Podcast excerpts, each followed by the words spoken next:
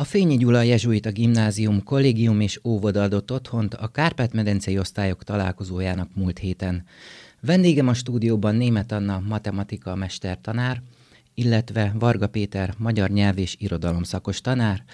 Ők a szervezői ennek az eseménynek. Üdvözlöm Önöket! Jó napot kívánunk! Üdvözlöm. Hogy telt az elmúlt hét? Hát nagyon gyorsan telt el, bár az első nap ilyenkor egy évezredig szokott tartani, amíg mindenki megérkezik, és izgulunk egymásért, hogy a nagyon távoli városokból is mindenki épségben, egészségben ideérjen, utána pedig felgyorsulnak az események, hiszen minden napra több program és több fajta program is került. Utólag nagyon gyorsan elrepült ez a pár nap. Milyen programok várták a diákokat? Mivel ők egymást nem ismerik, hiszen nyolc különböző iskolából érkeznek, ezért az első nap mindig az ismerkedéssel, pici kapcsolati szálak kialakításával kezdődik, amit igyekszünk ilyen helyzetbe hozni őket, a többi rajtuk múlik. Ismerkednek az iskolával, az iskola területével, a képzéseinkkel, és akkor utána az őszi tanulmányi héten különböző tanulási lehetőségeket is eléjük teszünk. Ha jól tudom, voltak uh, például vitát tanulni, vitázni tanulni a megyeházán. Igen, ez uh, pont uh, velem történt, de még mielőtt elkezdek bármiről beszélni, azért szeretném kiegészíteni, hogy nem csak ketten voltunk a szervezők, hanem Soltész Ágnes és Utka József kollégánk is uh, kivette a részét a programokból, uh, úgyhogy egy kicsit majd a méltatáshoz az ő nevüknek is uh, szól. De hogy visszakapcsolódjak, szóval ez egy mm, hagyomány olyan szempontból, hogy, hogy korábbi itteni táboroknak is része volt, akár korábban városházán, de, de azt hiszem, hogy inkább a megyeházán való ö, vitázás. Na most ez tulajdonképpen azért nem volt annyira komoly, mint ahogy hangzik, hanem a struktúrált párbeszéd alapjait tanultuk meg közösen. Az, hogy egy azonos témával kapcsolatban eltérő körülmények közül érkező diákoknak mi a véleménye, azt próbáltuk így kidomborítani belőle, az volt a, a tétel mondatunk, az volt a vitának a témája, hogy az ember sorsát azt határozza meg, hogy hová születik, és így arra gondoltunk, hogy talán ez egy jó kiindulási alap arra, hogy érveket ütköztessünk. Hát lévén, hogy, hogy ugye vannak egész különleges helyzetből érkezők, például a Berek iskolából, hát mondhatni azt, hogy sajnálatos módon hogy egy háborús környezetből érkeznek, vagy vannak olyan iskolák, amelyek egészen más módon élik meg a saját kisebbségi létüket, például Szlovéniában kiemelten magas támogatást kapnak a kisebbségek, vagy az is érdekes volt, hogy például az erdélyi székely kollégák gyerekeinek a véleménye hogyan jelent meg, miközben még valahol úgy emlékszünk Erdélyre, hogy az egy ilyen támogatandó rész, és most, most, most egészen olyan, mint hogyha hogy teljes mértékben kiegyenlítődtek volna ezek a társadalmi viszonyok. Ugye voltak lazább programok is, például kirándulások. Merre jártak? Elsősorban a Miskolcot, Miskolc közvetlen környezetét szerettük volna megmutatni a belvárost egy feladatlappal teljesítették a gyerekek úgy, hogy a mi diákjaink voltak a csoportvezetők, és diák társként mutatták meg a szép helyeket. Próbáltam úgy összeválogatni a, a célokat, hogy, hogy valóban a 14-15 éveseknek érdekessé válhasson. Természetesen Lila Füredet, a Zsófia kilátót sem hagyhattuk ki, és én pedig Majorszki András kollégám nevét említeném, aki egy nagyon különleges tanulmányi kirándulást szervezett nekünk Szerencs és a környékére, a hegy aljára, ami több volt egy tanulmányi kirándulásnál, több volt egy baráti kirándulásnál, mert olyan helyi különlegességgel találkoztunk, emberekkel is, meg jelenséggel is, ami, amit egyrészt csak ő tudott nekünk megszervezni, másrészt pedig sokkal többet adott, mint egy kirándulás értem ez alatt Konzsófia odajött hozzánk a Szerencsivárhoz, és egy pár szót beszélgetett minden városból érkezett diák, diákokkal, hozott nekünk csokit ajándékba. Ugye Konz Zsófia térség országgyűlési képviselője, egyébként a Szerencs szülötte. Igen, tehát ő nagyon lelkesen és nagyon vidáman volt együtt a fiatalokkal, kicsit visszafiatalodott hozzájuk. Utána pedig a környező hegyaljai falvakat néztük meg, de nem kiránduló szemmel, hanem, hanem sokkal inkább a, a magyarság és a, a szeretet jellemezte ezeket a látogatásokat. A magyarság, mert hogy megkoszorúztuk Kossuth Lajos szobrát a szülőháza mellett, és megkoszorúztuk Ond vezér szobrát is az Ond nevű községben, ami attól volt nagyon különleges, hogy kollégám rokonai még ott élnek, és a helyi nagymamák egy hadjáratot indítottak, hogy süteményeket, kalácsot készítenek, és amikor vége volt a nagyon ünnepélyes koszorúzásnak és megemlékezésnek, akkor ö, körbevették a gyerekeket, szinte ellepték a, a fiatalok, akik nagyon kíváncsian és boldogan beszélgettek a nagyikkal. Ugye volt még a hét elején egy különleges vendégük, Fandil Ferenc, a Miskolci Nemzeti Színház talán legnépszerűbb színművésze. Hogyan fogadták a gyerekek az ő előadását? Ezt a programot pont a Józsi kollégánk szervezte, de nekem volt alkalmam így beletekinteni, és itt az volt az érdekes, hogy korábban már látott osztályszínázi előadásokból volt az egyik, pontosan nem emlékszem a címére, de a tanári létnek a gyötrelmeit jelenítette meg, és hát, hát de azt láttam, hogy ott olyan, olyan forró volt a levegő, hogy a diákok alapvetően, amikor átálltak a tanár úr oldalára, és az ő problémáikon keresztül látták az iskola helyzetét, akkor az azért úgy gondolkodóba ejtette őket. Egy ilyen iskolai szituációt generált, és ott ültek a kollégák is, ők is egy picit, mint hogyha megint diákok lettek volna, miközben ők ugyanezeket a gyötrelmeket érik át, és itt a gyötrelm ez nem mindig egyértelműen gyötrelmet jelent, csak nyilván a színpadi megjelenítése volt ilyen nagyon szenvedélyes, ami miatt így maradt meg bennem. Szóval, hogy izzott a szenvedély, és így nagyon jól vették ki a gyerekek magukat, nagyon teljesnek érezték azt a programot is. Akkor talán beszéljünk most már arról, hogy honnan jött az ötlet. Ugye több mint két évtizedes a kezdeményezés. Ki találta ezt ki? Ezt az I. és Gyula ö, Budaörsi Gimnáziumnak, szakiskolának a, az akkori pszichológus nője, Kanyú König Györgyi találta ki, aki egyébként egy délvidéki származású hölgy, és az ő kezdeményezése volt az, hogy összefogja a határon túli iskolákat.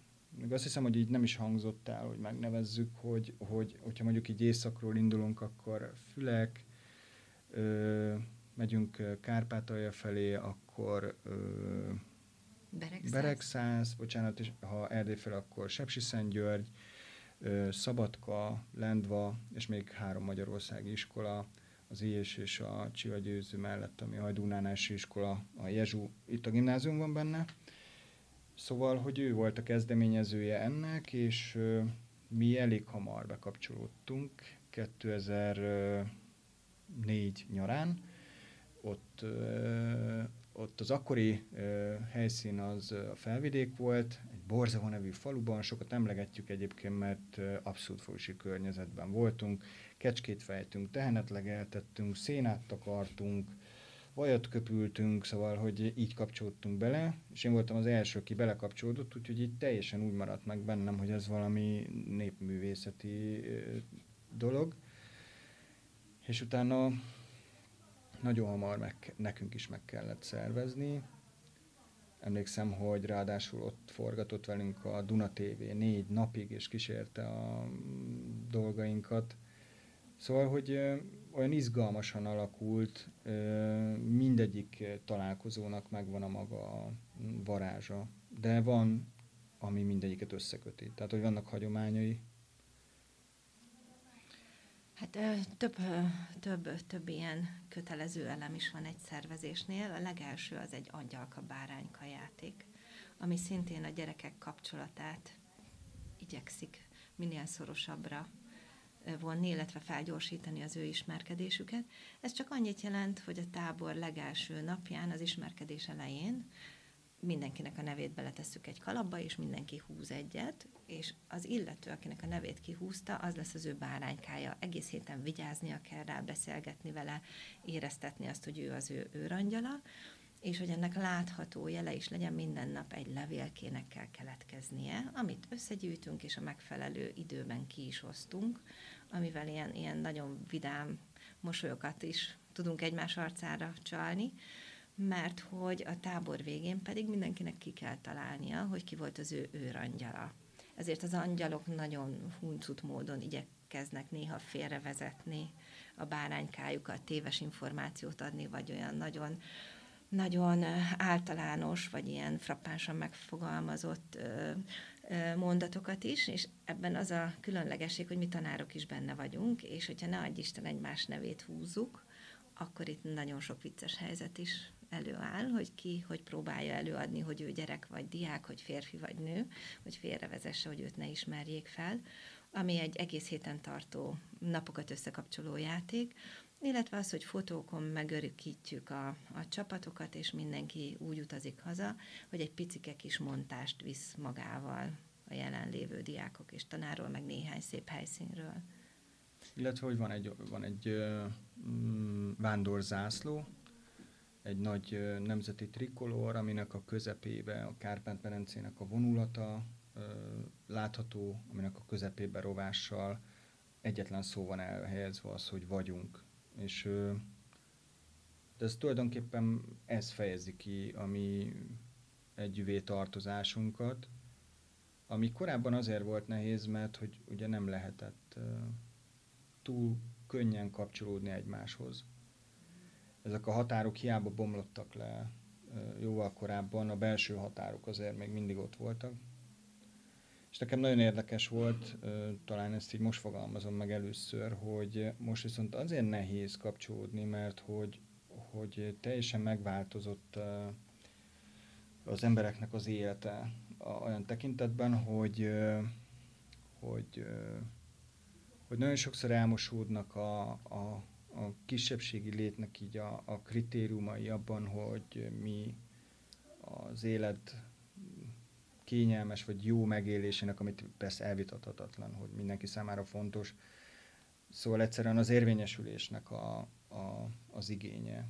Tehát, hogy sokkal több ö, vegyes ö, házasságból ö, származó gyermek, ami, ami teljesen természetes folyamat, csak hogy ez, ez, ez érdekes látni ebből a 20 év táblatából, hogy így nagyon kiegyenlítődött a gyerekek közti ö, különbség, nagyon egységesnek lehet őket most már látni, te mondhatnánk ilyen, ilyen szociológiai ezeket, hogy hogy zárkózott fel egyik-másik ország, de hogy ebben is vannak kihívás. Tehát, hogy teljesen más kihívásokkal kell dolgozni szerintem, mint, mint korábban. Én, ahogy így beszéltél arról, hogy ezek a különbségek egy picit elmosódtak. Én 2012-ben csöppentem bele, beledobtak ebbe a programba, én Füleken voltam először, ahol nagyon palócok laknak, és nagyon palócul beszélnek, és először egy előadást hallgattunk, meg azt gondoltam, hogy valami vicces dolgot látok, és paródia az, ahogy ők beszélnek egymással és a színpadon is. Majd ö, olyan 90. percnél jöttem rá körülbelül, hogy nem, ez az ő ö, saját nyelvük. És eh, ahogy megismerkedtem a különböző városok tanáraival, diákjaival, a nyelvük, a kiejtésük, a táj, tájszólásuk, a hangzóik, a magánhangzóik nagyon különböző tették őket, és amikor következőleg mm, kerültem egy ilyen táborba, akkor ha valakivel beszéltem öt percig, akkor a, a beszédének a hangzásából meg tudtam mondani, hogy honnan érkezett. Ez a mostani idei táborunkban már nagyon minimális a különbség. Tanároknál érezni ezeket a nagyon hangsúlyos hang, hanglejtésben, diftongusokban való különbséget a gyerekeknél már nem. Tehát már egy gyerekről nem tudtam a beszéde alapján megmondani, hogy honnan érkezett. Kicsit előre is szaladtunk, hiszen uh, arról is akartam önöket kérdezni, hogy általánosságban milyen uh, tapasztalataik vannak a külhoni utazásokkal, viszont uh, még érdekesebb lenne, hogyha végig is mennénk. Ugye említették Füleket, Erdélyt, milyen tapasztalatok vannak a többi határon túli településről? Gondolok itt arra például, hogy a fényi felszereltségével, impozáns épületeivel nem versenyezhetnek. Hogyan idézőjelben kompenzálják ezt? Mit mutattak meg ők? Nem, hát igen, ugye van, van ez a van ez a kép rólunk, meg mi is szeretjük így láttatni ezt.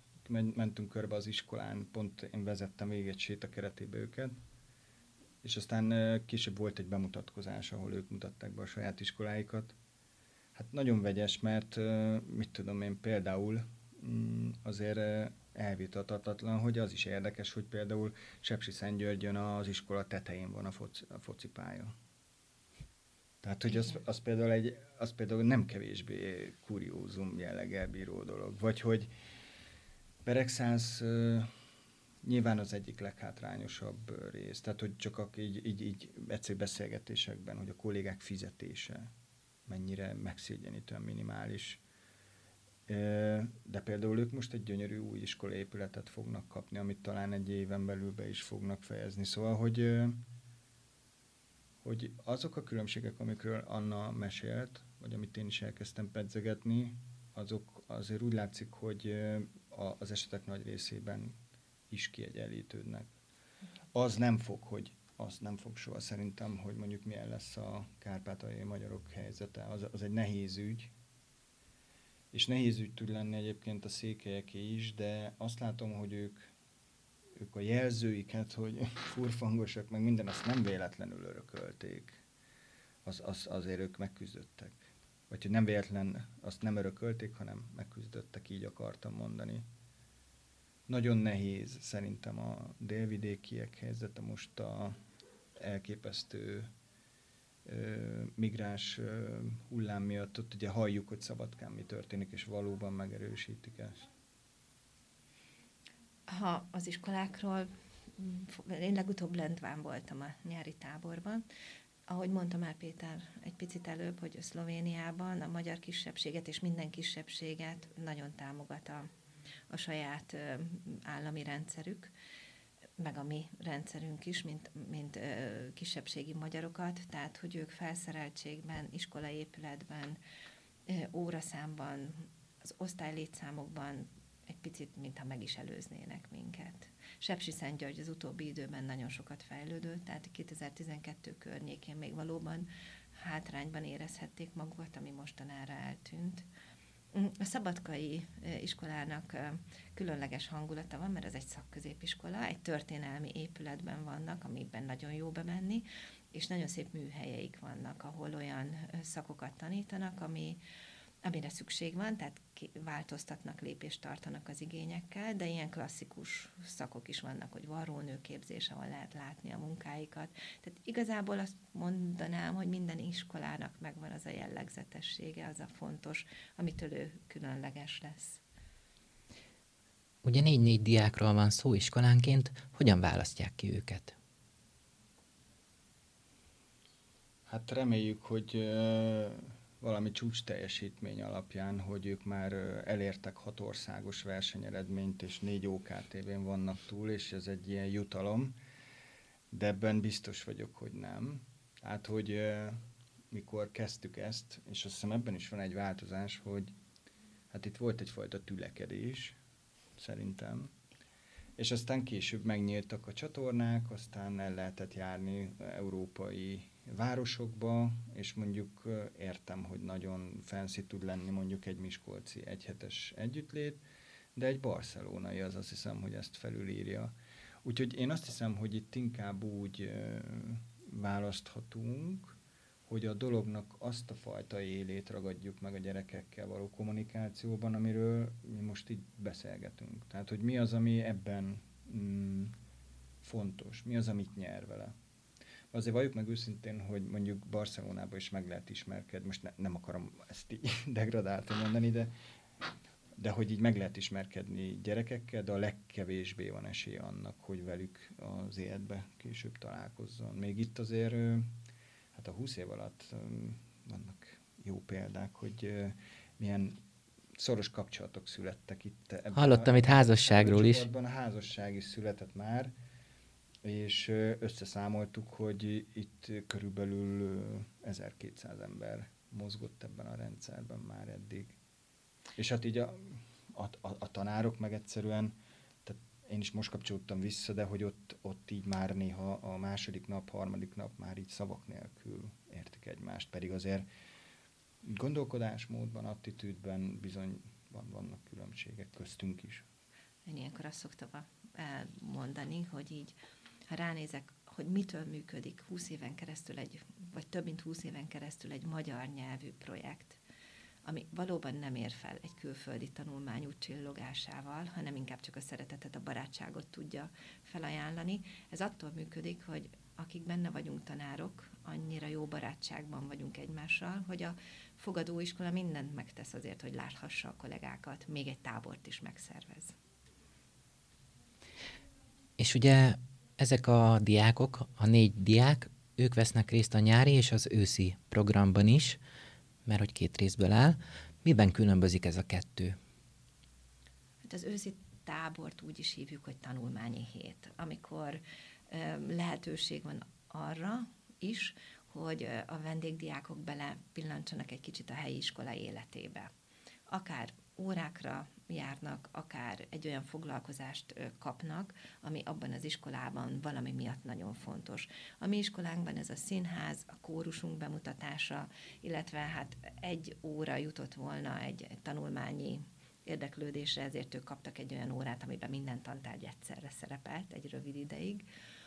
De például legutóbb Sepsi Györgyön egy román nyelvi órát hallgatott meg az összes gyerek, Budaörsön is olyan át, tehát hogy olyan foglalkozásokon is részt vesznek, amin mindenkinek szól, egyszerre egy picit kapcsolódik a tanuláshoz, tudományhoz, és a helyi iskolának egy, egy nagyon fontos iránya. A nyári tábor pedig a barátságról, a pihenésről szól, tehát a nyári közösségépítő programok, a sportolás, a régió megtekintése az el, elsődleges cél. Mik a tervek a jövőre nézve? Ugye múlt héten beszéltünk arról, hogy a bővítés az akár anyagi okok miatt nem lehetséges, viszont biztosan mindig gondolkoznak azon, hogy milyen újat lehetne belevinni ebbe a történetbe, akár helyi szinten, akár az összes iskolával együtt gondolkozva. Új kollégát mindig szeretünk belerántani, aki megérzi ennek a, a barátságról, meg a szeretetről szóló voltát, és ezt, ezt az idén nálunk is ö, sikerült megvalósítani, mert egy új kollega egy új szemlélet, egy új tudományág mindig színesíti az adott programot akkor, hogyha mi vagyunk a fogadó iskola. Igen. Végül arra kérném önöket, hogy egyenként fogalmazzák meg, hogy önöknek mi az üzenete ennek a programnak. Talán